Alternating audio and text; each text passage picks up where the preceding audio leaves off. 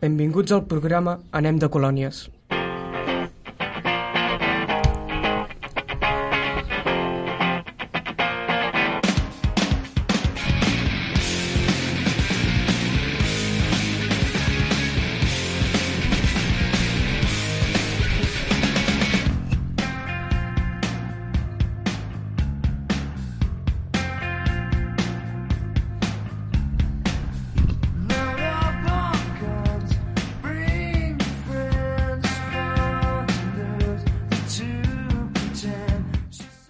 Bona tarda, Miquel. En el programa que hem organi- organitzat avui, que es diu Anem de Colònies, eh, tracta de dues fàbriques que hi havia al nostre poble, la Farga, que es diuen La Farga i Can Riba. Per la part de la Farga tenim dues entrevistes d'una extreballadora i l'altra d'un extreballador actual. I entrevistes molt interessants al senyor Oriol Guixà, actualment propietari de l'empresa. Per part de Can Riba tenim dos extreballadors abans de la guarderia té una, can, una gran relació amb la, far... Ai, amb la fàbrica, perdó. Molt bé, molt bé, doncs uh, molt bona tarda. Eidan, què tal? Com estem? Bé, Quina bona introducció que ens has fet. Bueno, una Eh, com sempre, nerviós, però- els directes són una mica així atropellats i hem començat, feu tots una cara de... què està passant aquí? No en sento... Uh, us sentiu o no us sentiu? sí, sí. Sí, us sentiu bé? A la resta de companys, bona tarda, com esteu? Bona tarda. Bona tarda. Ai! Doncs les primeres cares de nervis ens hem sentit pels auriculars. A veure, primer de tot, presentem-nos. Uh, aquí, a la meva esquerra, aquí tenim Jo sóc en Jan Lafont. Jan Lafont, Uh, Ivan Recaj. Ivan Recaj, Clàudia Rodríguez. Clàudia, Laia Tamborero. Laia, Laia Tambore, tamborero. perfecte, i Jo sóc l'Aidan Tort. Aiden. No se't sent bé aquest micro, me caso un dena. Ja, ja deia jo que... Uh, no sé què passa, però haurem de fer alguna cosa perquè no se't sent bé. Vale. Molt bé. A veure, eh, passem a presentar aquest programa perquè hem començat, eh, un, no sé si s'entendrà bé. És el tercer programa, és el tercer programa de- de- d'aquesta sèrie de programes que fan els alumnes de, els alumnes de l'Institut del Voltreganès i aquest es diu Històries de... Com heu dit? Histo uh, anem de colònies. Anem de colònies. La Laia li ha clavat un cop de, de colze amb l'Aiden dient, va, tio, parla. Uh, sabeu que teniu els micros oberts i que podeu parlar en qualsevol moment, vale? no cal que anem fent de puntadors, perquè si no uh, tindrem uh, problemes. Va, uh, Jan... Soc molt dolent amb els noms i no me'ls he apuntat, me caso un nena. Uh, què? Com van els nervis, Jan? Uh, bueno, bé. Oh, bueno. Sí? És tot això, és tot el que et surt? Va, home, una mica més. És, és el segon dia que vens. No ho sap. Bueno, no passa res. Uh, com et deies, tu? No Uh, recordo? em dic Ivan. Ivan, què? Com va? Com, com, com ho veus, això? T'ho imaginaves més gran, la ràdio, més ben preparat? No, ja, ja vaig veure una foto al, al periòdic al 9-9. Sí. Uh, quan Costa't una mica més, que així et sentirem perfecte. Ja vaig veure una foto al 9-9 Sí? uh, quan l'Òscar i aquests uh, uh, van vindre a fer aquí les entrevistes Uh -huh. i vaig veure que era així i, I què? Hem de mirar de no fer copets a la taula perquè si no mm, això també se sent i no passa res, eh? És només perquè d'això. Clàudia i Laia, home, si vaig fent la ronda suposo que a vosaltres també us toca, no? Fer parlar una mica. Va, què? Us, us imagina... Havíeu, és el primer cop que veniu a la ràdio? Sí, Sí? I què? molts nervis. Molts nervis? Molts. Sí. Jo diria, jo diria que per la cara que feu diria que hi ha poc aire aquí, que no, Sí. que no us arriba, que no us arriba l'aire als pulmons. És possible això o no? Molt possible. Bueno, ja veureu que de mica en mica ens anirem sortint i tot plegat direm oh, ja ha passat una hora uh, i llavors doncs serà problema Aidan, tu has fet la presentació per tant has Sí. estrenat el programa Sí. Eh, què tal, com ho veus això? Bé? Mm, bé. Sí? Bueno, com que he estrenat el programa també he començat el més nerviós, no sé. Ah, També... sí? Doncs no ho Sí. semblava que estiguessis nerviós, eh? Bueno, una mica. Una ja, miqueta. ja vas vist que dient el que tenia de dir m'he trobat en alguna paraula. O... Sí, bueno, ja, jo també m'he posat nerviós, eh? encara que no ho sembli. Eh, que no ho sembla, que estigui nerviós? No, no. Estic tremolant com una fulla per dins. Ah, vale. Ah, perquè d'això... Va, eh, a veure, Aidan, eh, començarem amb una, començarem amb una, amb una entrevista, no? Els programes Sí. continuen sent d'entrevistes, eh? Mm. Què, de, què, de què va aquest programa d'avui? Eh, aquesta primera entrevista? Mm, bueno, la primera entrevista el que farem és... Bueno, tenim un extreballador del Can Riba Mhm. que ens vindrà a explicar una mica eh, la seva història dintre de la fàbrica, que en Jan i l'Ivan han preparat unes quantes preguntes per ell. Ah, molt bé, molt bé. O sigui, era un treballador d'Indústria Riba. Sí. Molt bé, que interessant. Uh, doncs, en, en, qui has dit que la feia, l'entrevista? Jo. En Jan. No, Molt- Ivan, Ivan. Ivan. Jan, Ivan, bueno, tot és el mateix, no passa res. Va, doncs, escolta'm, uh, no sé si l'hem d'introduir d'alguna manera o, o fem directament, o fem directe, o els fe, fem passar el convidat directament. Com, com ho teniu preparat, això? Bueno, hem preparat una breu explicació de què era la fàbrica de Can Riba, que la podem explicar en un moment, si voleu. Sí, sí, sí. Fe, fem una cosa, com que, com que aquest micro no se sent massa bé, eh? Uh, si cas, uh, vosaltres, Clàudia i Laia, que ara no, això, us podeu separar una mica, continueu, eh, continueu aquí, i deixem, deixem que mentre l'Aiden fa la presentació, el convidat se senti i llavors doncs uh, uh, passem a fer l'entrevista. Aquí mateix. Aiden, fas, fas alguna presentació o directament el convidat? Uh, Direct- presentació. Ah, perfecte, doncs va. Som-hi, Aiden. Vale, pues per començar, em, començarem en Can Riba i faré una petita explicació sobre què era Can Riba. Pues la fàbrica va començar... Sí, sí, endavant. Perdó, perdó. La fàbrica va començar que, en temps de gran inestabilitat, fins que al principi del segle XX eh, la fàbrica va ser comprada per la banca Riba i Garcia. Amb aquesta, amb aquesta compra, la fàbrica va tenir un creixement ascendent a la producció de filats i teixits, Uh -huh. cosa que era molt rara per allà al Ter. La fàbrica també va arribar a ser coneguda com la fàbrica de la gleba, ja que estava a prop del santuari de la Mare de Déu de la Gleba, Uh -huh, molt bé. i després de la Guerra Civil, la fàbrica estava sota exponents... esta, estava, sobre, estava sota del poder de l'empresari Victoriano Oliveres de la Riba, No, no. amb el qual va seguir creixent exponencialment. Amb els guanys, el 1940, en Victoriano construí més, va construir més habitatges. El 1955 va fundar el Club Patí Voltregà. El 1971 va construir la llar d'infants de Can Riba, la qual segueix oberta avui en dia, Uh -huh. i també va haver-hi millores eh, fins l'any 2001, que és quan va tancar. Sí, sí. Vale, i bueno, abans de començar la primera entrevista, eh, vull dir, bé, direm que hem preparat tres entrevistes, vale? Ah, molt bé. Uh, dues són amb extreballadors i una és amb una extreballadora de la guarderia. Oh, perfecte. Vale. Molt bé, Aiden. Uh, doncs uh, endavant. Uh, molt, bona, molt bona presentació. No, no, no. Em, sembla, em sembla que es podrà quedar aquí. De, Sí? Sí, jo diria que sí, perquè era fallo meu, com sempre. Em sembla que ara se sentirà molt millor. Per tant, donem pas en en, en, en, en, en l'Ivan, sí? Ah, perquè, doncs, que presenti el convidat i totes aquestes coses. Uh, primer de tot, uh, bona tarda, Damián. Uh, Bona tarda, Ivan, uh, a tothom. Gràcies per acceptar aquesta entrevista en directe, això. Cap, cap problema. Bueno, Així Damián- em faràs re recordar del, dels vells temps que havia estat allà, allà a la fàbrica. Exacte. Que no, no, no passa gaire sovint, però bueno, ja, ja va bé, ja, ja m'ha agradat, ja.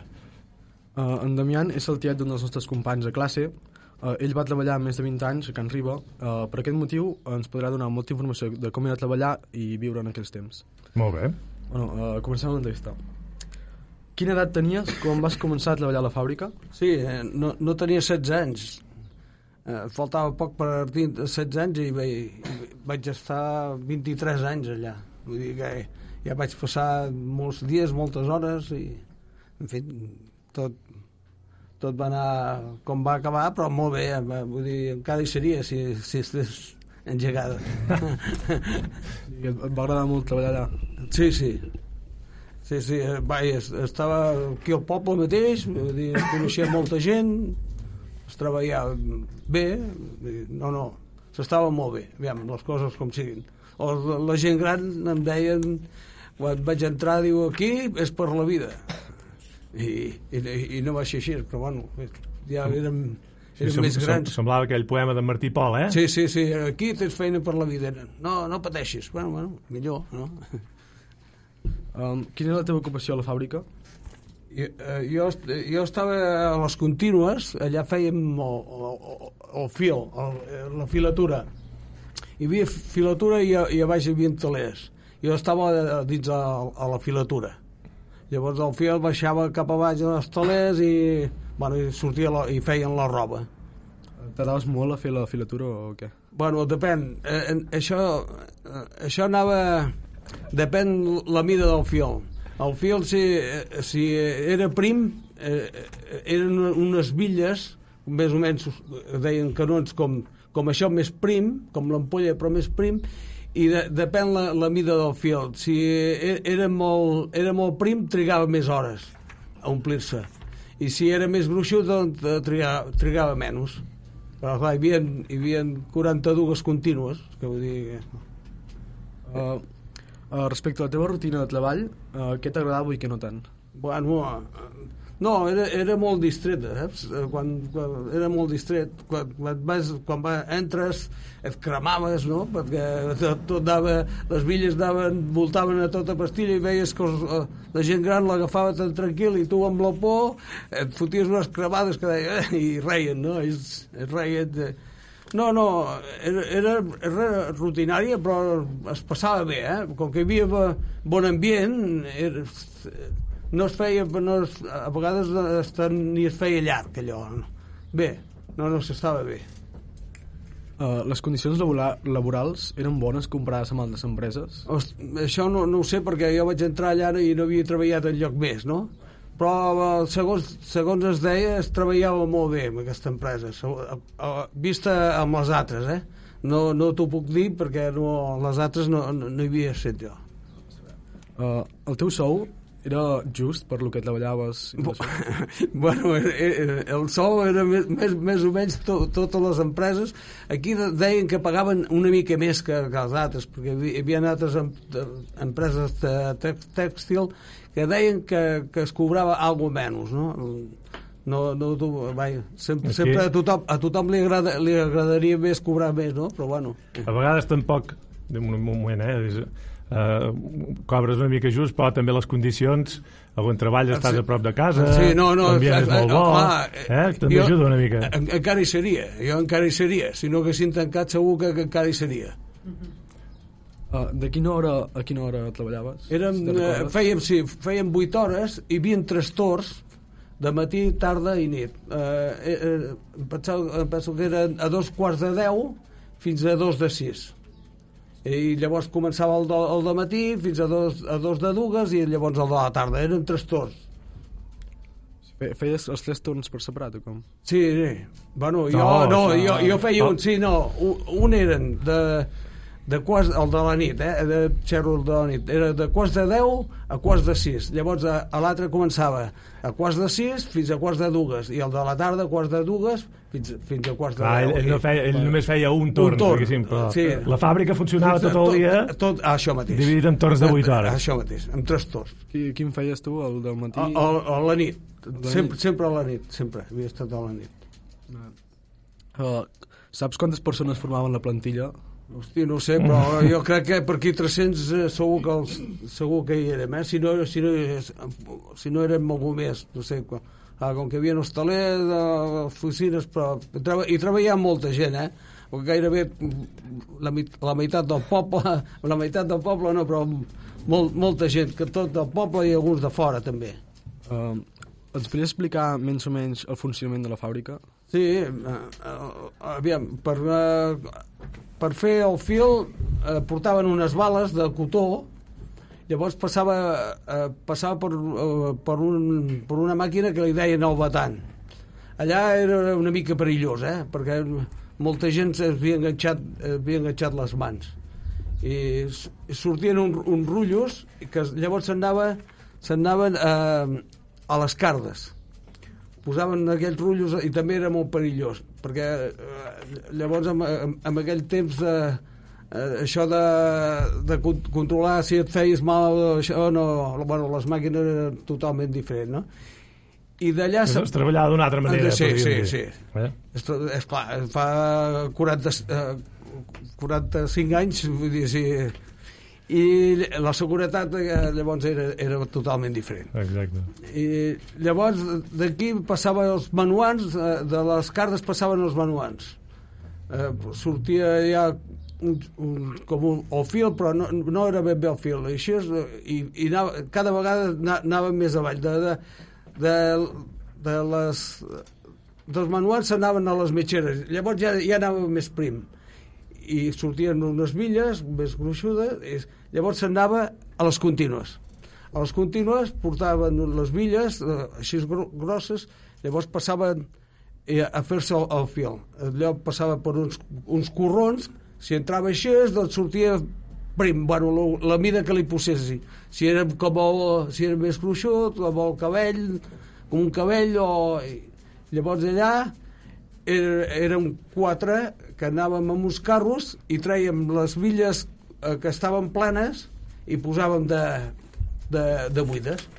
I, i s'engegava la màquina, tornaven a engegar i bueno, a vegades i, aqu- aquella màquina ja no la tenies pas de treure perquè poder, poder pa- passar en 8 hores o, o, o 10, depèn. Hi, hi, havia alg- alguns, depèn el, el, el fil si era molt gruixut o molt prim Uh, en quin moment et vas plantejar deixar la feina? Sí, eh, bueno, eh, el moment que van deixar de, de pagar.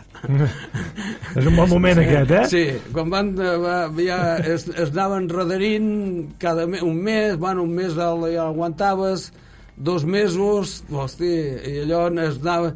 I tu veies que allò no, no, no rotllava perquè era molta gent i hi havia quatre màquines engegades i, i, i allò no donava per tant poder hagués donat per 50 i érem 300 vull dir que, clar, ell o, o, o, ell o volia aguantar allò tant sí com, com no. I clar, va voler aguantar tant, tant que al final se'n va anar tot en hores Clar, clar. clar, jo, jo quan, quan això quan ja portava massa temps havia comprat la casa, teníem hipoteca i, ja, i vaig dir tu, aquí, aquí, has de fer alguna cosa Uh, quan s'anava a tancar la fàbrica, els treballadors van fer alguna per evitar això? Bueno, es, eh, es, feien, eh, aviam, es feien reunions, sí, i, inclús, inclús vam, vam treballar de franc. Ojo, allà a la fàbrica vam treballar no sé quantes setmanes de franc, i, eh, bueno, i, i quan vam, vam fer això, van, va vindre un cop de feina durant un temps que, hosti, sembla que s'ha salvat perquè això va sortir a, la, a totes les televisions i a tot arreu que, que treballàvem de franc i, i, i bueno i, i va, va haver una pujada durant un temps que bueno, va, vam tindre una mica de feina però llavors va tornar, va tornar a baixar Uh, com és que van deixar de pagar? Si... perquè esclar, eh, eh, el que es facturava el que tenia de pagar a facturar no, no, no arribava Eh, si, si, si pagaves la llum no podies pagar allò i eh, clar, quan, quan allò anava a totes les màquines allò donava. Però clar, quan, no, si hi havia unes quantes però si a dalt érem, eh, hi, hi havia 42 contínues i anaven 7 eh, doncs no donava pas per tant Eh, uh, I per últim, et va agradar treballar a la fàbrica? Sí, sí, jo encara hi seria. Vull dir, aquí el mateix, al poble, no, no, no tenies d'agafar el cotxe i, i, i, i vaig plegar per això, perquè si no eh, segur que encara hi seria. Bé, segur no, però gairebé segur. Molt bé. el que em deia no, la gent gran per la vida, doncs jo ho hagués, ho hagués continuat, no? Que hagués dit a, a una altra generació, tu per la vida aquí. No, no, estava, estava bé. Uh, bueno, moltes gràcies, Diman, per aquesta entrevista i uh, surti molt bé. No, Gràcies. eh, cap problema. Merci, merci a, a, a vosaltres. Deep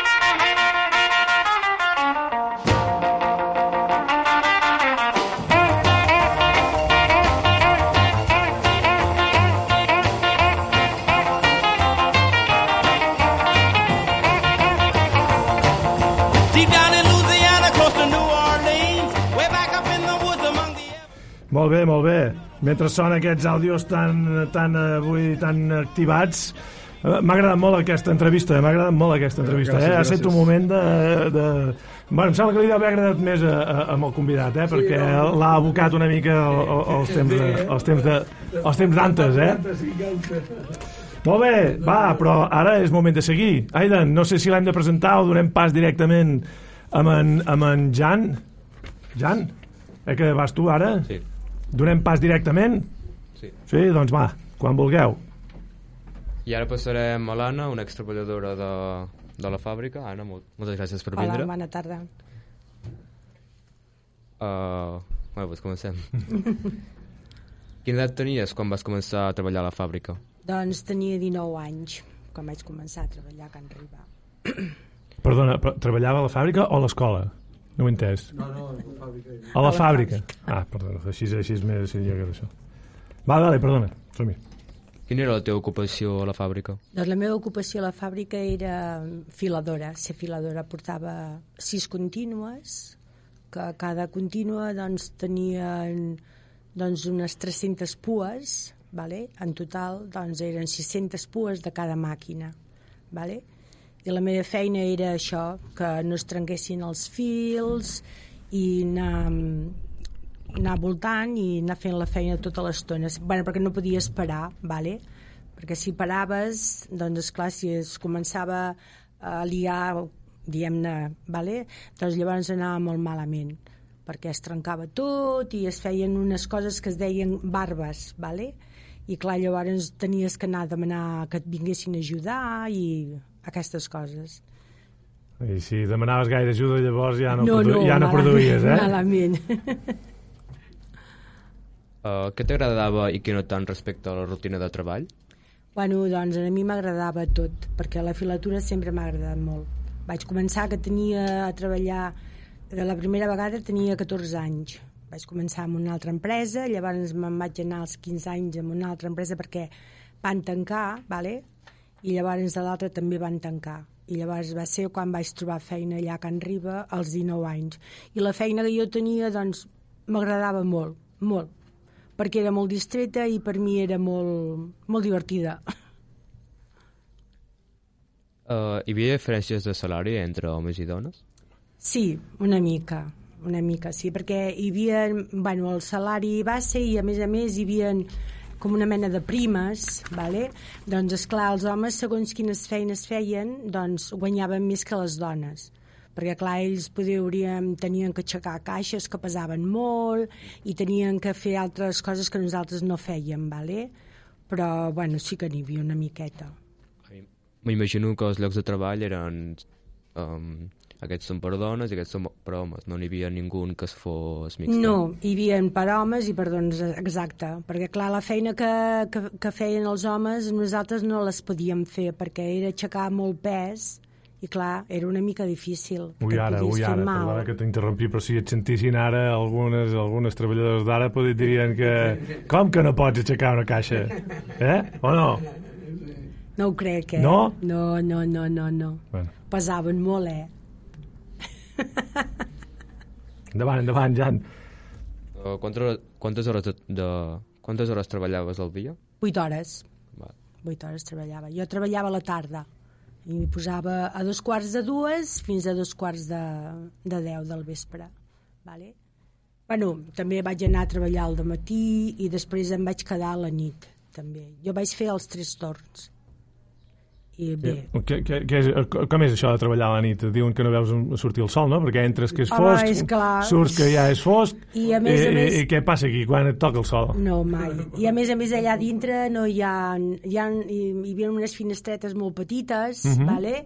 i només teníem llums, llums d'aquestes de fluorescents, Mhm. vull dir que el sol no el veies mai. I què afecta això? Jan, Home, tu, sí que t'imagines tu treballar, no veure el sol durant què? Per exemple, durant la setmana no veies el sol. No, no. T'imagines tu, Jan, durant la setmana no veure el sol? Eh? No sé, se'm fa molt raro. Se't fa estrany, eh? Sí, sí. Endavant, endavant. Uh, tenies fills en aquell moment? Sí, tenia el meu nano, que es diu Jordi, vale? i bueno, el deixava a la guarderia de Can Riba, el deixava tot el dia, el portava a les 9 del matí i no sortíem fins a les 5 de la tarda, vale? I bueno, jo m'ho anava combinant doncs, amb els meus pares, que me'l cuidessin, i, i jo, i llavors bueno, vaig canviar la nit i ja per sempre més me'l vaig cuidar jo. A part de la guarderia, la fàbrica t'oferia um, serveis extra o alguna per tindre fills? Bueno, és que el servei aquest era molt, molt important perquè tu portaves a, a, la, a la teva canalla allà i no, no et preocupaves de res. Allà els hi donaven l'esmorzar, el dinar, jugaven, els hi ensenyaven... Bueno, feien un, un pilot de coses. Vull dir que no, no tenies cap preocupació. Uh, avui, perdona que t'interrompi un moment, avui he rebut una publicitat de l'Ajuntament mm, que aquest any se celebra el 50è aniversari de l'Escola Can Riba. Sí, Uh, això havia de ser molt, molt, molt pioner o, o què? O Sí, no, sí, era... era pioner. Era sí, pioner. sí, sí. sí. Va, Sí. vau, vau començar vosaltres? O, o, No, o, quan, o quan, éreu ja va... Ja no, va... quan jo vaig començar a treballar ja feia temps que... Ja feia temps, sí, eh? Sí, i tant, i tant que sí. No, no, perquè és que vull dir, ara és una Sí. escola modèlica, Mhm. doncs m'imagino que en el seu moment devia ser una cosa totalment novedosa, no? Sí, sí, ui, sí, molt, molt. això, no? Sí, sí. Bueno. Allà, allà no podia anar ningú de fora, eh? Ara, ara, per exemple, hi ha gent Sí. que, bueno, que, per exemple, fora, de fora del Brasil, Sí, eh, esclar. eh, Però abans només eren Només és pels treballadors. I prou. Molt bé, Jan, endavant. Um, bueno, la guarderia era més per a... O sigui, només cuidaven els nens o també els educaven? No, els educaven. D'allà sortien ja per començar a primer, vale? és a dir, els hi ensenyaven de tot, el mateix que si anessin a, a un col·le. I ja sortien, doncs, preparats. Uh, ens podries fer una comparació de com era viure en aquella època i l'època actual? Bueno, aviam. Per mi, l'època d'abans i la d'ara és, és el mateix, ¿vale? perquè jo he treballat sempre i vull dir que abans treballava a la filatura, ara treballo de dona de la neteja, vull dir que si has de treballar és el mateix. No hi ha res de... Ja, si si t'han de pagar perquè facis una cosa, eh? Exacte. Estem d'acord, eh? Sí, sí. No, però tal com deia abans, eh, si hi ha l'ambient i ho tens a prop i... Sí, jo, i, sí, jo també, feina- també perquè anaves caminant vale? I, i tornaves a casa caminant la, les, les companyes que tenia de feina eren molt bones companyes Mhm. i bueno, estaven molt bé vull dir que vale? i a més a més de la gent ja la, la coneixies del poble perquè clar la gent més o menys que treballava allà eren del poble venia molta gent també de Torelló de Vic, de Manlleu perquè clar, era, era gran No? i bueno, i en aquell temps quan que hi havia feina doncs mira, agafaven a, a qui anava Molt bé, moltes gràcies. doncs moltes gràcies a vosaltres Uh, doncs, uh, ara que acabem l'entrevista, deixa'm fer una cosa que és que m'ha agradat molt. Uh-huh.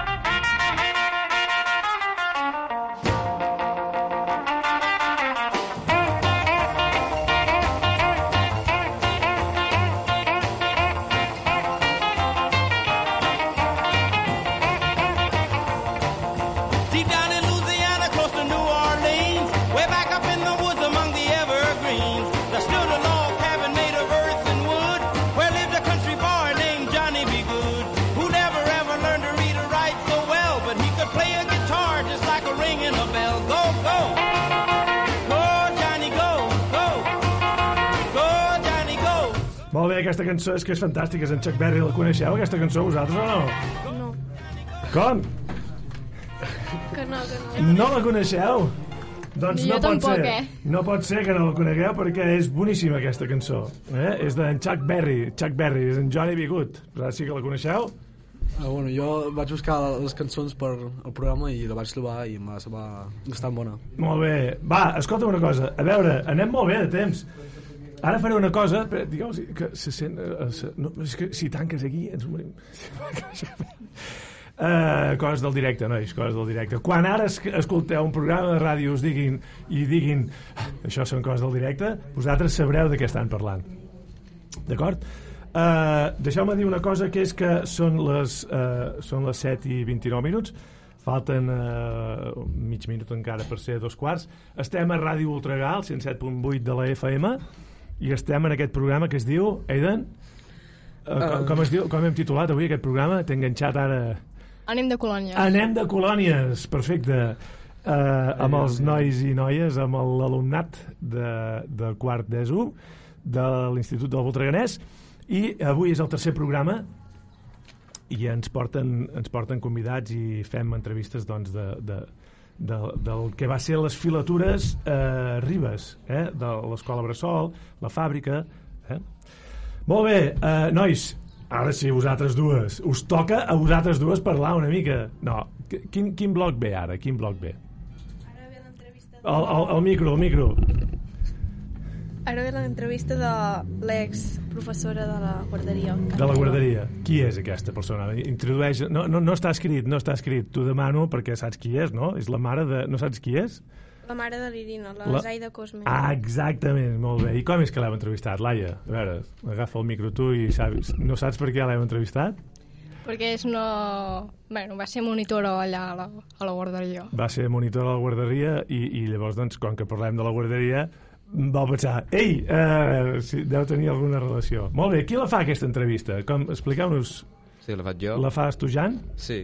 Bueno, primer vam anar amb ella, perquè ella va ser monitora nostra de la guarderia. Ah, sí? I és a dir, perdoneu, tu, vosaltres vau anar tots a Can Riba? No, No. jo, No? jo no. nosaltres fem la farga. No, però estic reuneix a la guarderia. a la guarderia. Vosaltres, com a, com a nens, vau anar a, a No, la... no vam anar. No, no vau anar a Can Riba? Qui No, no tampoc, vam per aquí anar. Jo tampoc? sí. Tu sí? Sí. Te'n recordes encara no? Gens. Gens? No, gens. Ostres, però quan passes per allà davant no penses ui, jo jugava aquí en aquestes pujades i... És que no, no? recordo res. Res de res? No. Tu, Clàudia, tampoc hi vas anar a Can Riba, no? No. No? Tu, aquí per aquí tampoc? Jo sí, jo tu sí. I te'n recordes d'alguna cosa? Vau anar, vas anar a la Sí. classe de la Laia? Anava a la seva classe. Tu te'n recordes? No. Però me'n recordava que ell, ella era la monitora. Ah, molt bé, molt bé. Va, doncs vinga, com, eh, eh, introduïm aquesta, aquesta entrevista. Bueno, tenim la Zaida Cosme, és una ex-professora de la guarderia de Can Riba. Uh -huh. No va ensenyar quan la fàbrica estava oberta, però ens pot donar informació de la guarderia, com és, com funciona. Um, bueno, no ho tenim en directe. Però, no tenim en directe, però... Uh, tenim els àudios gravats i jo an- aniré di- dient les preguntes i bueno, anem ficant els àudios. Ah, molt bé. Va, doncs vinga, et sembla si, si comencem? Eh, Jan? Sí. Va, doncs, si fas la primera pregunta... Creus que tothom pot ser mestre de la guarderia o cal tenir certes habilitats? Home, poder, poder pot tothom, però jo crec que són la feina de mestres i de cuinar nens i això és, són feines que t'han d'agradar. T'han d'agradar perquè hi passes moltes hores, has de tenir molta paciència. La pot fer tothom, però t'ha d'agradar. És una feina que t'ha d'agradar. Per quin motiu es va obrir la guarderia de Can Riba? Jo diria que es va obrir quan es va obrir la fàbrica tèxtil, eh, la, van, la van fabricar per, per cuidar o guardar els nens que treballaven, les famílies que treballaven a, a la tèxtil Can Riba. Què en penses de la raó d'obertura de la llar d'infants? Mm, Home, és una bona opció perquè tant abans com ara quan les famílies han d'anar a treballar o hem d'anar a treballar és molt difícil conciliar la vida familiar amb la vida laboral i tenir un lloc on pots deixar els teus fills l'estona que tu estàs al, a la feina és molt important. Com era treballar a la guarderia? Aviam, a mi m'agradava molt. És una feina maca, és una feina enriquidora, però també és una feina, és una feina estressant, és una feina cansada i tens molta responsabilitat perquè tens nens molt petits, però és una feina molt maca. Ens pots descriure com era una jornada normal? Home, poder, poder pot tothom, però jo crec que són la feina de mestres i de cuinar nens i això és, són feines que t'han d'agradar. T'han d'agradar perquè hi passes moltes hores, has de tenir molta paciència. La pot fer tothom, però t'ha d'agradar. És una feina que t'ha d'agradar. Sí, hi ha hagut aquí un petit problema. Em sembla que ara, ara, ara bé. Ara, espera. Aviam. És que dura molts minuts aquesta... Tant abans com Ara. ara, Ara, ara. quan les famílies han d'anar a treballar o hem d'anar a treballar, és molt difícil conciliar la vida familiar amb la vida laboral i tenir un lloc on pots deixar els teus fills l'estona que tu estàs al, a la feina és molt important. Fem una cosa, passem a la pregunta 6. Han fet alguna remodelació de l'edifici? Jo diria que el que és remodela- remodelació de l'estructura crec que no. Eh, el que sí que han fet em sembla que era la cuina, que era nova, clar, les coses, pintar, parquet, eh, tot això, bueno, el terra, tot això sí que era bastant nou i s'ha anat arreglant, i ara últimament crec que s'ha fet una altra part que no sé ben bé què és. Mm, diria que és com un magatzem de la cuina o alguna cosa així. El que és l'estructura és la mateixa El centre tenia encara coses de l'època de la fàbrica de Can Riba? que jo recordi no que jo recordi no, no. Sí, no es veia res molt antic o es veia bastant nou l'edifici. Home, el que és l'edifici, el que és l'edifici eren les mateixes parets i era, era el mateix que hi havia. L'únic que, bueno, doncs clar, de dintre estava pintat i tot això, però el que és l'estructura diria que era la mateixa. I alguna, ha algun costum, algú d'aquella època de, de quan era per la fàbrica, aquesta guarderia? Jo diria que tampoc. És, la veritat és que s'ha modernitzat molt. Jo diria que no. Com ensenyàveu a la guarderia? Bueno, com us he dit abans, intentàvem ensenyar molt el tema experimental, que jo crec que és molt important amb els nens petits. Viure l'experiència és quan més se'ls queda les coses. Era tot molt a base d'experimentació. De, de, Uh, més o menys... Jugàvem, per exemple, o feia molta experimentació amb el que són les, les estacions de l'any, quan era doncs, l'hivern fèiem gel, quan era la tardor anàvem a buscar fulles, anàvem a buscar castanyes, jugàvem amb fulles, amb castanyes, era tot molt, molt el que ells, cognitiu, que ells poguessin tocar, que ells poguessin experimentar. Penses que la manera, manera d'ensenyar actual és semblant a la que hi havia quan existia la colònia de Can Riba? No crec. No, jo diria que no. Jo crec que abans més aviat era com una mica per guardar els nens, perquè estessin allà cuidats i ben atesos. I ara s'intenta, suposo que a totes les escoles bressol, intentar ensenyar, ensenyar que ells experimenten, que ells visquin les coses. Eh, jo crec que no, jo crec que és bastant diferent. Ha anat creixent la guarderia al llarg del temps? Sí, crec que quan es va obrir, crec que estava fet per unes mm, 80 famílies i bueno, suposo que com tots els anys, mm, com a l'institut, com a les escoles, hi ha anys que hi ha molta canalla i hi ha, hi ha anys que, no, que, que la ràtio baixa perquè no, no hi ha prou nens. Quina incidència té la guarderia en la vida del poble? Bueno, suposo que, clar, és això, poder tenir un lloc, i a més a més és municipal, on, on pots portar la... És un servei municipal que dona l'Ajuntament perquè tu puguis mm, deixar els teus nens i conciliar una mica la vida familiar amb la vida laboral. I per últim, hauries canviat per alguna raó la teva feina com a professora? Bueno, l'he canviat. Ara ja no, no treballo amb, amb nens petits. La veritat és que eh, tenia ganes de fer un canvi i, i bueno, vaig, va, va haver una baixada de feina també, vam, vam marxar unes quantes noies i la veritat és que em venia de gust fer un canvi i, i ara mateix no estic treballant d'això. Agraïm molt a la Zaida que volgués parlar amb nosaltres una estoneta i li agraïm des d'aquí que hagués vingut a l'institut a gravar um, l'entrevista.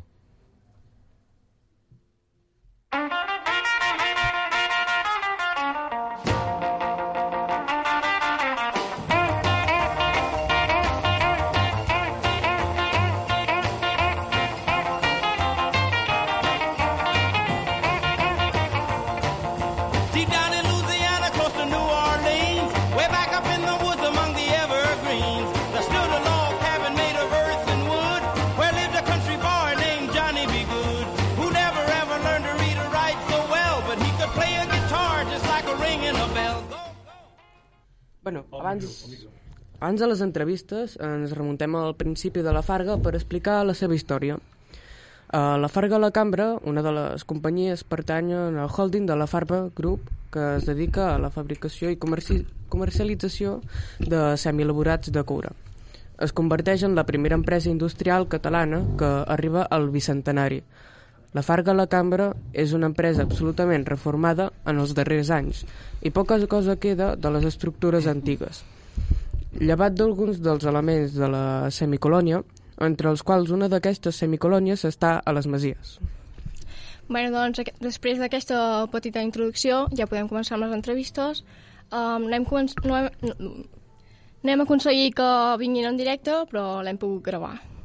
Uh, la primera entrevista serà la de la senyora Maria Cinta, uh, la mare de la Fina, que treballa al barri Sardo. Uh, li donem gràcies a ella des d'aquí, ja que ens va cedir part del seu temps per poder-li fer l'entrevista.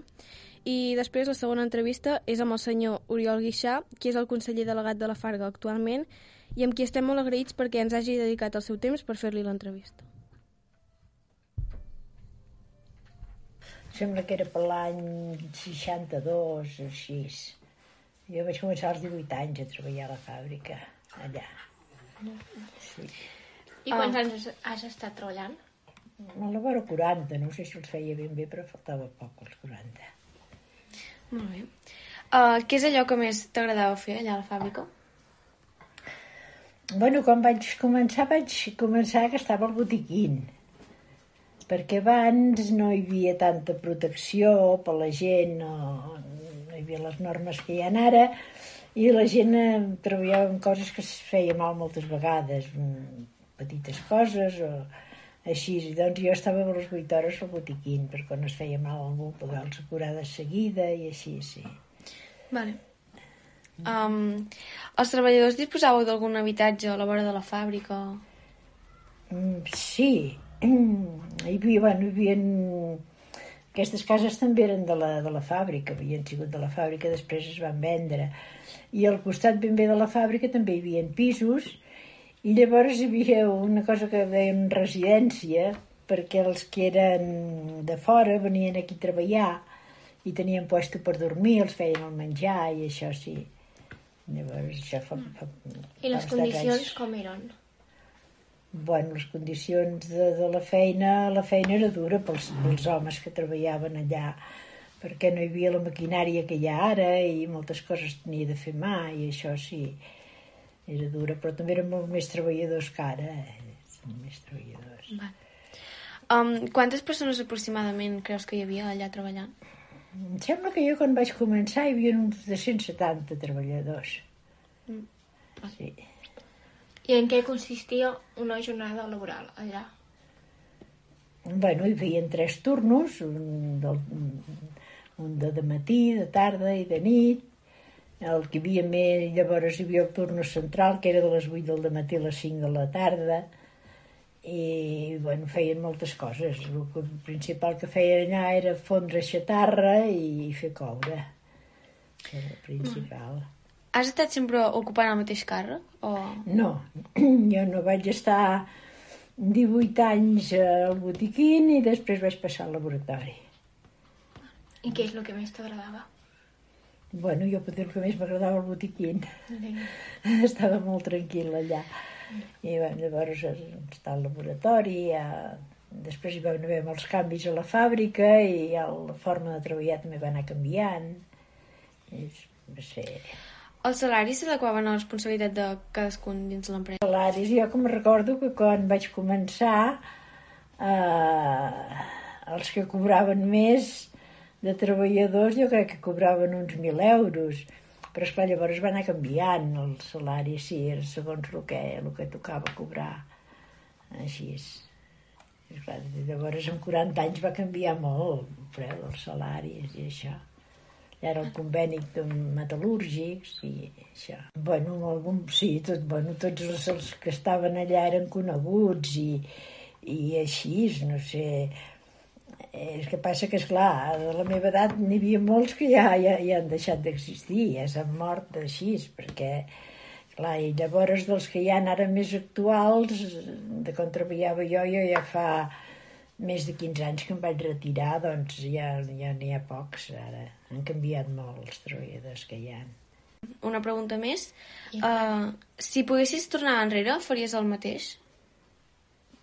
Sí, potser sí, no sé.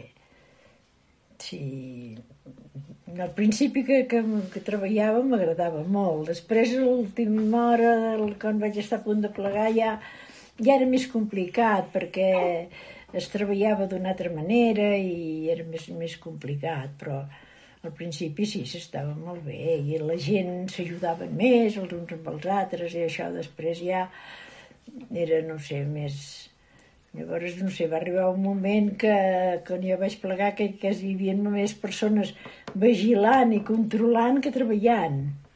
Eh, sí.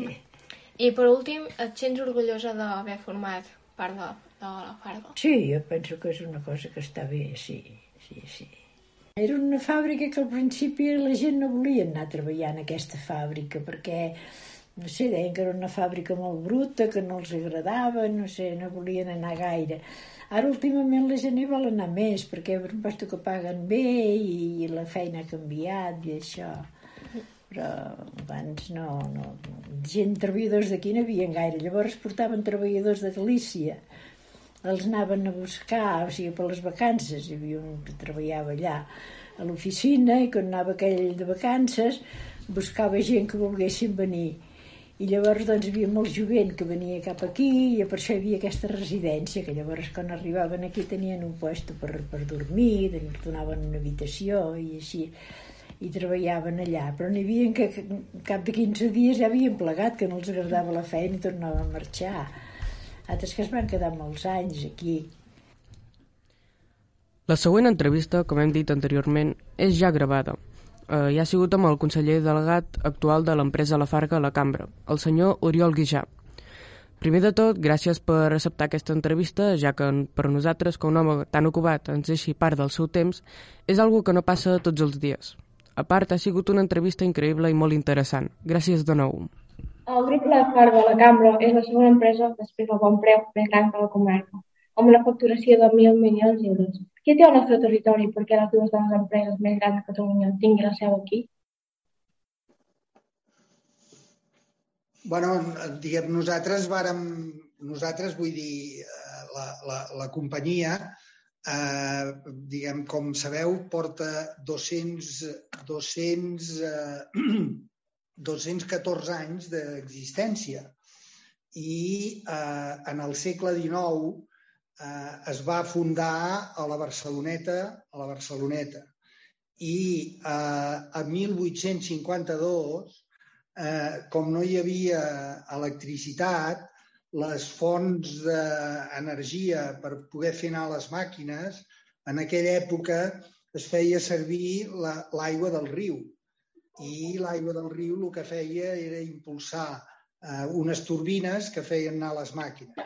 I a 1852 eh, l'empresa es, va es va traslladar de la Barceloneta aquí a Masies de Voltregà per eh, poder fer anar les màquines a través de l'aigua del riu Ter. I el motiu de que nosaltres estiguem aquí és aquest. És dir, a partir d'aquest any van anar invertint i creixent i fins al dia d'avui. No? I per això, diguem, l'origen de per què estem a les Masies de Voltregà va ser el fet de poder utilitzar l'aigua del riu per poder fer anar les màquines. Vale. Um, I ens podries explicar com va ser l'entrada a la família Guixà Fluixà a l'empresa? bueno, eh, diguem-ne, la, la, la companyia eh, va anar passant d'any, de, de, de, o sigui, eh, era una companyia que perteneixia a la família La Cambra, però, eh, diguem-ne, va anar passant de, de, de, de diferents generacions fins que als anys 80, eh, aquí a Espanya, als anys 80, o sigui, a 1980, eh, aquí a Espanya hi va haver-hi una, una recessió important eh, perquè vam passar de ser una companyia, perdó, de ser un, una, una economia molt tancada a ser una economia que es va començar a obrir cap a Europa i cap a fora.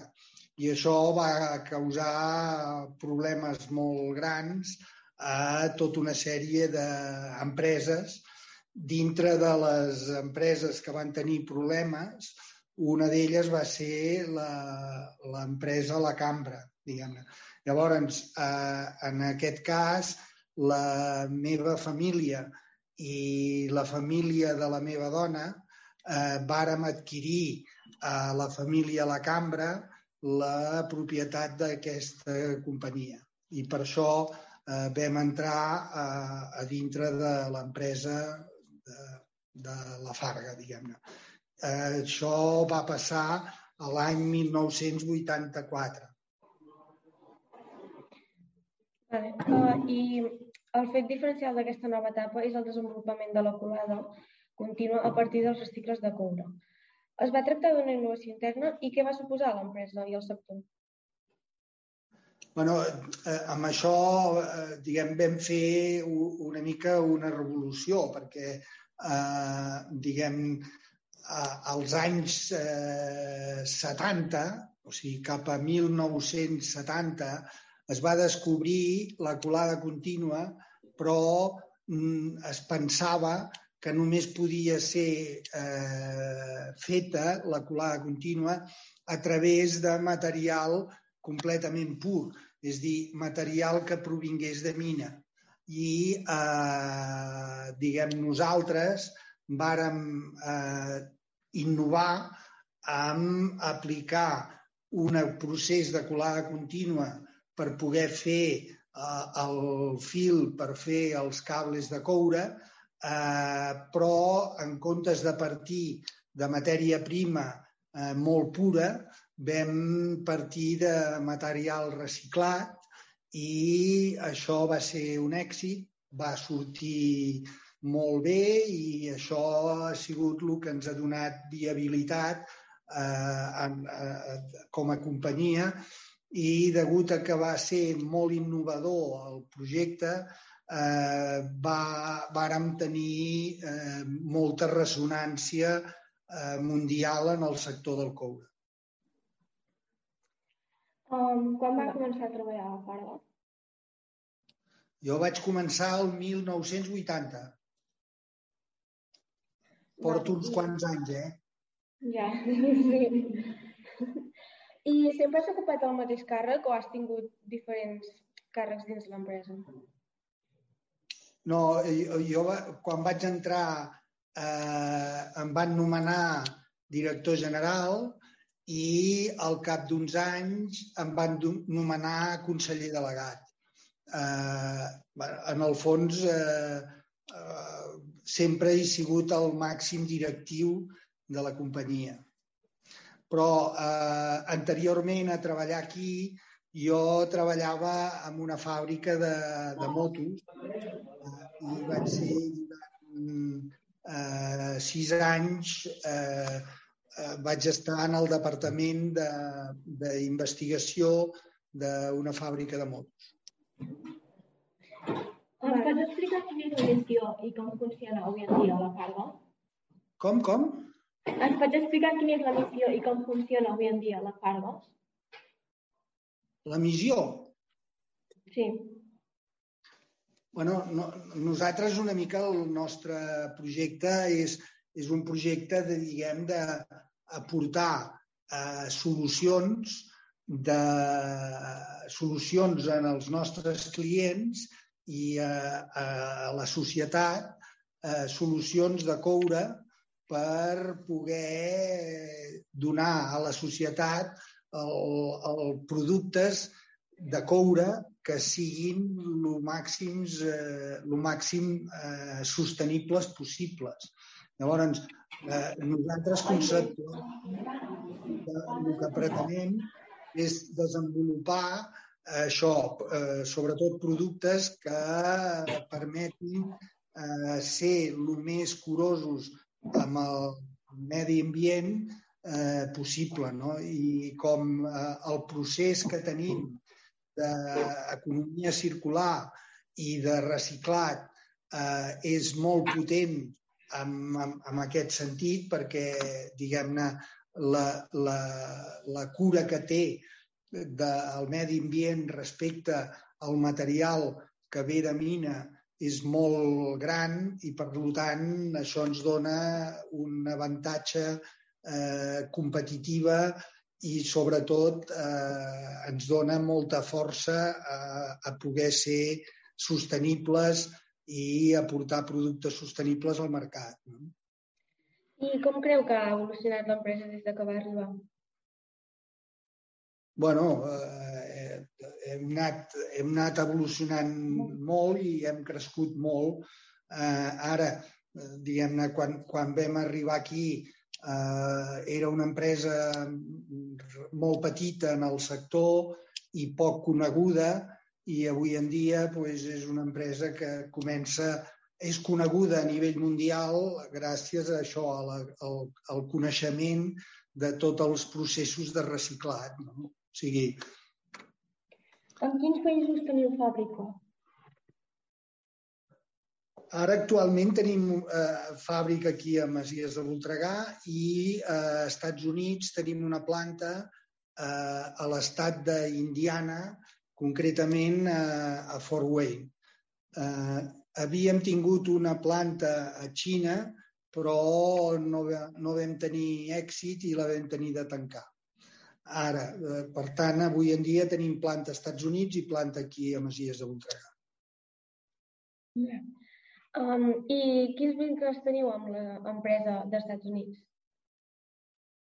bueno, eh, diguem-ne, és un, un vincle molt, molt proper perquè en el fons la, la, la, la direcció de, de, de la companyia la, la, la portem des del punt de vista de consell i, per tant, eh, com nosaltres som consellers d'aquella companyia, doncs, eh, portem tota la, el projecte estratègic i cap on s'ha de fer evolucionar la companyia, etc etc. No? Ara, la direcció de, de la companyia està amb, amb gent americana. No? Al principi vàrem enviar gent d'aquí per poder posar en marxa i desenvolupar el negoci, però actualment ho porten tot gent americana. No? Nosaltres hi anem cada dos o tres mesos a, per fer un consell i poder evolucionar la companyia. Um, bueno, ara canviarem de tema i um, ha variat gaire el salari dels treballadors administratius, executius, etc. en tots aquests anys? O el salari varia entre, ai, el salari varia entre països? Bueno, els salaris, evidentment, han, han, han canviat moltíssim al llarg, al llarg de, la, de la vida. El que passa és que també cal dir que els salaris de, diguem-ne, que el nivell de vida del país també ha canviat moltíssim i per tant als anys 80 eh, la situació de benestar que hi havia a tot el país era molt diferent de la situació de benestar que ens podem trobar ara. No?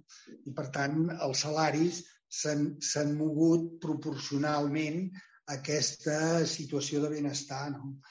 Per tant, jo diria que sí, que els salaris han crescut moltíssim i la, el, el poder adquisitiu de les famílies eh, ha crescut molt eh, a, tot, a nivell de tot Espanya. No? Um, actualment hi ha els mateixos departaments que quan es va muntar o ha canviat? bueno, eh, diguem, sens dubte ha canviat i ha canviat molt. No? O sigui, eh, al principi eh, érem, érem poca gent i, diguem-ne, entre tots ho fèiem tot. I ara tenim tota una organització eh, que, que està dividida per departaments i això és el que dona les possibilitats de, de creixement. O sigui, eh, gestionar la companyia que tenim avui amb, eh, amb els recursos que teníem als anys 80 seria impossible. O sigui, I, per tant, ha crescut molt l'organització. Eh? Uh, té alguna anècdota divertida o curiositat uh, que li hagi passat uh, dins de l'empresa? Bueno, d'anècdotes d'anècdotes en tinc moltes, però eh, divertida, eh, bueno, no sé, eh, eh, eh, jo per mi l'anècdota la, més, més, eh, més bonica i que no és divertida però, però que és lloable és de que eh, al llarg de tota la meva història aquí en la companyia eh, sempre eh, hi ha hagut una, un, gran, un gran equip i eh, diguem tota la gent que ha treballat eh, a dintre la companyia al llarg dels anys ha estat disposada sempre a esforçar-se per poder tirar endavant la companyia. I això és per mi una, una gran joia i una gran virtut que tenim eh, a aquesta companyia però també a la comarca. No? O sigui, la il·lusió que la gent posa amb els projectes empresarials és una cosa lloable i bonica. Eh, hem de pensar que, com a companyia, nosaltres, eh, eh, degut a que la, la foneria no es pot eh, parar, estem treballant eh, 24 hores eh, durant 7 dies a la setmana i, per tant, el que això representa d'esforç per part de la gent que treballa aquí doncs és una, una característica que, que és sorprenent i, i bonica de, de poder explicar. No? Um, vostè creu que recompensa la feina de dirigir una empresa? Et permet conèixer gent important? Bueno, sí, jo crec que és una, diguem, dirigir una empresa eh, és sempre una, una càrrega de responsabilitat molt gran. Ara, en contrapartida, eh, tens tota una sèrie de, de, de coses que eh, t'il·lusionen i et motiven, no? I, per tant, o sigui, hi ha una contrabalança. Ara, dirigir una empresa és una, una responsabilitat molt gran perquè, en el fons, eh, de, de, del conjunt del conjunt de, del conjunt de l'empresa hi pengen moltes eh, famílies i molta gent i, per tant, la responsabilitat que té el que la dirigeix és molt gran. No? Um, dues preguntes més. Um, creus que tothom té les condicions per treballar a, a la Farda? Sí, jo, jo amb això sempre he cregut de que eh, cada un serveix per lo que serveix i, per tant, eh, com a la Farga tenim de tot tipus de feines, per tant, eh, segur que tothom pot, pot treballar a la Farga, diguem-ne. Ara, la, la cosa que hem de descobrir en, entre tots plegats és eh, per, què, per què la persona que ve a treballar eh, és bona o en què pot ser eh, òptima. No?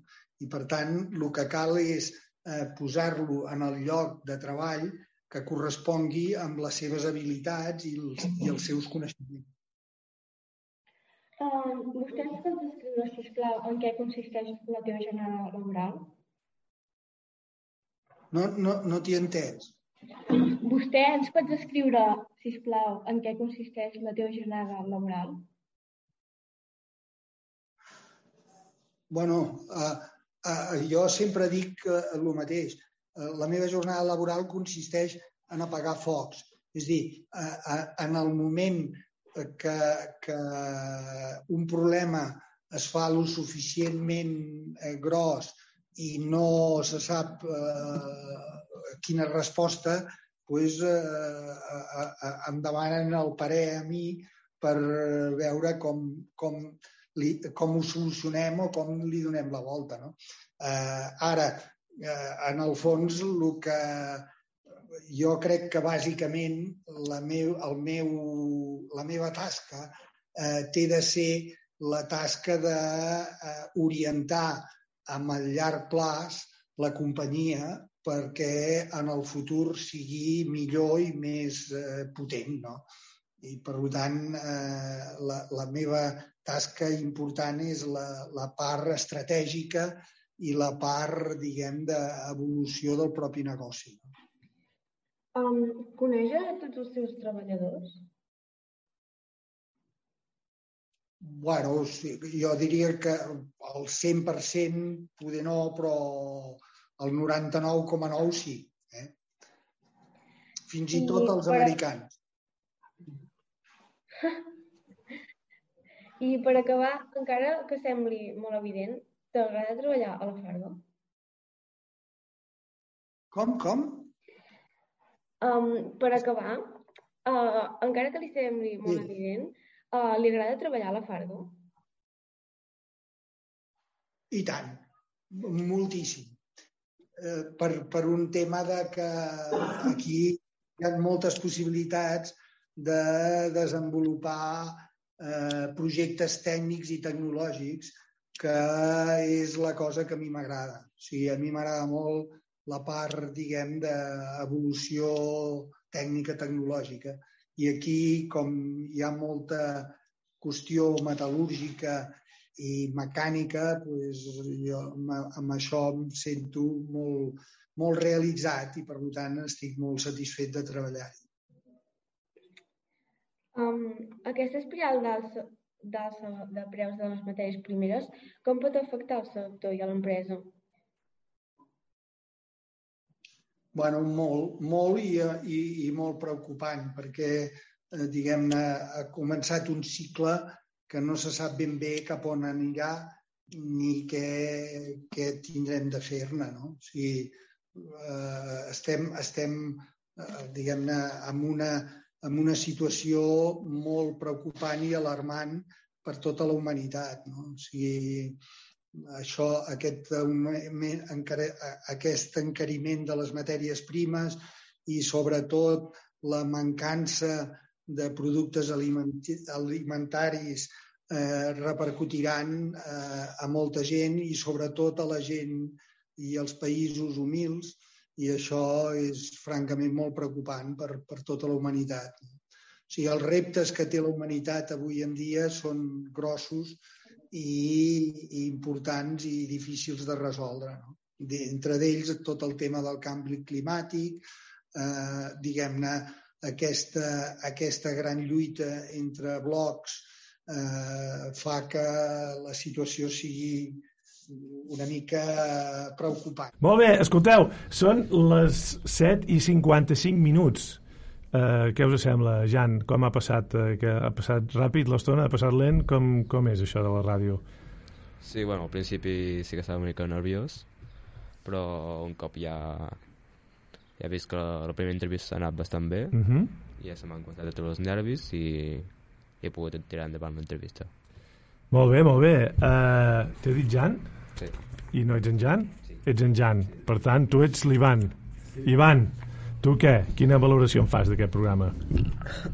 Uh, M'ha agradat molt fer l'entrevista. Sí? Posa, costa del micro, que si no, llavors uh, no, no, no podràs ser tan famós que, com que sí, perquè no t'ha- no t'hauran sentit bé. Bueno, uh, l'entrevista m'ha agradat molt fer-la i ha estat tot, tota una experiència uh, molt... Sí, és com la primera vegada que he fet això i m'ha semblat molt guai. Mm? Um, Per tant, però- entenc que repetiràs? Uh, no sé, això tinc a veure. Però uh, el temps, al principi, jo crec que... O sigui, pensava que aniria bastant... Quants, bastant quants anys teniu, vosaltres? Uh, alguns d'aquí tenen 15 o uns 16. 16. Saps que hi ha mm, gent que fa programa i que tenen 16 anys? Jo ho deixo aquí, no, no, vull, dir, no vull dir res i no digo nada i te lo digo todo, diuen, eh? Uh, bueno. Ja parlarem, ja parlarem. Ara vull fer una pregunta a la Clàudia. Clàudia, és que ja diuen que no. Com, per, que, què, què, és, uh, què és el que t'ha semblat més estrany de la ràdio? Mm, Parlar i, parlar i, no, i, i, que no, i no veure qui t'escolta? O què? Qui- Quin, quin, que, que, tu imaginaves així, la ràdio? Te la imaginaves més gran? No, bueno, no, no sé. més, més gran. Més gran, te l'imaginaves? Sí. Tu eh, vau ser dels que vau anar a Catalunya Ràdio, vosaltres? No. No?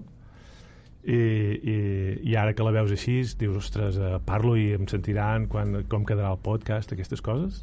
Sí. Sí? Quan, eh, eh, quan et sentin els teus companys, què creus que et diran? El dilluns o demà, demà quan arribes a l'escola i et facin el passadillo. Tu, Laia, també va per tu aquesta pregunta. No ho sé.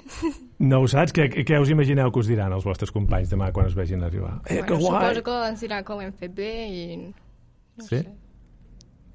Home, vosaltres heu escoltat els altres programes, no? Sí. I què en penseu? Que ho van fer bé? Penseu que ho heu fet més bé que els, que els altres? No. Aquesta és una pregunta que no hauria de fer, eh? Però... Bueno, igual, tots ho hem fet bé. Eh que sí? Sí. Va, això, aquesta, aquesta pregunta aquesta pregunta es nota que ho teniu treballat, tot el tema aquest de la igualtat, eh? Per tant, eh, professors, un, un, una bona nota. Aidan, Sí. eh, arribem, a, arribem a tu, eh? Què? Com que això de presentar les seccions i això, què? Bé, Bé? normal. T'ha semblat una cosa curiosa de fer? Començar el programa ha estat una mica... M'he posat nerviós al començar el programa, Ja. perquè, bueno, començar el programa, no sé. Sí. Però És trencar el gel. després, després ja ha estat normal i no, no he passat cap nervis.